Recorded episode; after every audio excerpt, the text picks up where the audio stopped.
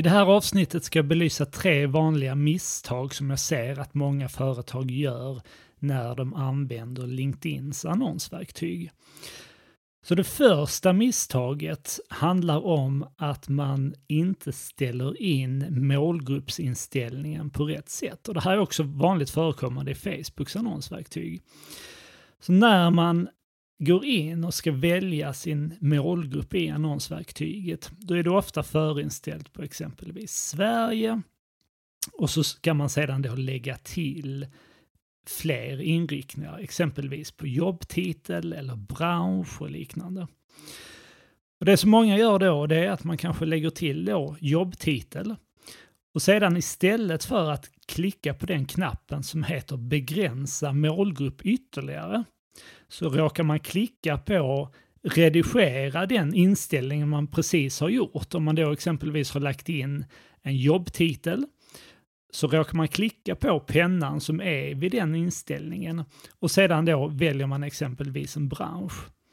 Det som händer då, det är att man säger till annonsverktyget att vi vill nå personer baserat på deras titel eller personer inom en specifik bransch. Det här är en fundamental skillnad jämfört med att säga till annonsverktyget att vi vill nå personer som bara jobbar som projektledare inom en specifik bransch.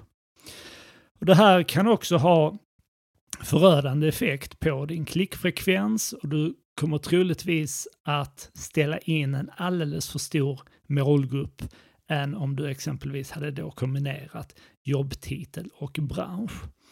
Så superviktigt när du går in och redigerar din målgrupp i LinkedIns annonsverktyg. Använd knappen begränsa målgrupp ytterligare. Samma funktion finns i Facebooks annonsverktyg. Det är också väldigt vanligt att jag ser att man har skrivit in olika intressen och då säger till annonsverktyget att vi vill nå personer med det här intresset eller det här intresset eller det här intresset istället för att kombinera de olika intressena. Så glöm inte, använd knappen begränsa målgrupp för att det ska bli rätt när du ställer in din målgrupp. Det andra vanliga misstaget som jag ser att man ofta gör, och det här har jag berört lite tidigare avsnitt också, det är att man inte använder exkluderingar i sin målgruppsinställning. Så det kan vara så att man exempelvis säger att vi vill nå alla företag i en viss region som har minst 50 anställda. Det som händer då om man tar från 50 och uppåt, det är att man kommer att nå väldigt många personer som representerar de stora arbetsgivarna i den regionen som du riktar dig till. Och det här kanske fungerar i vissa fall beroende på hur er marknad ser ut, vem ni, vill nå och så vidare. Men det du kommer att se om du använder knappen demografi efter att du har lanserat din kampanj och den kanske har löpt någon vecka, så ser du att många av de personerna som har exponerats för dina annonser kommer att tillhöra stora arbetsgivare. Så det finns en risk att du får en stor spridning hos de arbetsgivarna. Det kan vara exempelvis kommuner, eh, alltså jag pratar Region Stockholm, Region Skåne, eh, stora arbetsgivare som Volvo, Tetra Pak och så vidare. Så där måste du gå in och använda knappen demografi efter du har aktiverat din kampanj för att identifiera om det finns företag som dyker upp som inte är relevanta. Och så kan du då lägga till dem som exkluderingar efterhand. Men det bästa vore ju såklart att göra detta från början. Likadant där, glöm inte att exkludera konkurrenter. Det kan vara så att du ser att eh, en viss typ av företag som ni inte vill nå dyker upp hela tiden när du tittar på vem som har exponerats för annonserna. Och därför kanske aktuellt att även exkludera hela branscher. Så när du sätter upp dina annonser, tänk inte bara vem ni vill nå, utan fundera även igenom vem vill vi inte nå? Och lägg till de exkluderingarna redan när du sätter upp din kampanj. Ett annat vanligt misstag som jag vill belysa är att många missar att göra AB-testning av sina annonser. Och det här skulle jag säga är nästan ännu enklare i LinkedIns annonsverktyg än vad det är i exempelvis Facebook. För det du gör här när du skapar din annons, du har sparat din annons, du har lagt till den i din kampanj, då kan du helt enkelt klicka på de tre punkterna som är bredvid annonsen, där du får upp annonsens meny. Och där har du ett alternativ som heter duplicera. Välj duplicera, då kopierar den upp annonsen och det enda du gör egentligen sedan det är att du ger annonsen ett annat namn och sen går du in och gör den justeringen som du vill testa.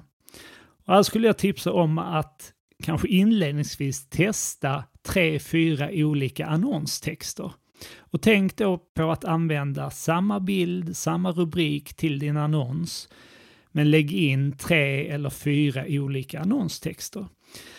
En sån här enkel sak kan göra att din kampanj presterar betydligt bättre över tid genom att du lyckas få upp din klickfrekvens genom att du testar olika annonstexter.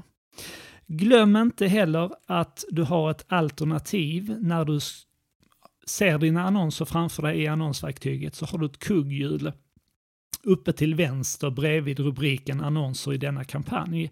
Där kan du välja att rotera dina annonser jämnt så att de konkurrerar om, konkurrerar om eh, samma antal visningar så att du får en mer rättvis bild av hur annonserna har presterat och så kan du själv gå in och pausa de annonserna som du ser har presterat sämre beroende på vad du vill utvärdera dem på. Du kan också ställa in att låta LinkedIn optimera visningen av dina annonser. Så när LinkedIn märker vilken annons som fungerar bra så kommer LinkedIn att börja visa ut den annonsen eh, oftare helt enkelt. Och sen kan du själv, om du vill, gå in och pausa de andra annonserna. Men du kan också ställa, ställa in det här vid ett tillfälle och sedan låta det vara.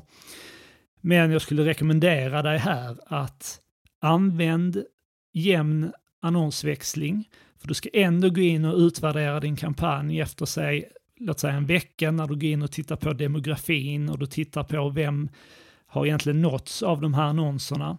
Då kan vara ett bra tillfälle att även gå in och titta på vilka av de här annonserna har presterat bäst och då pausa de som har fungerat sämre.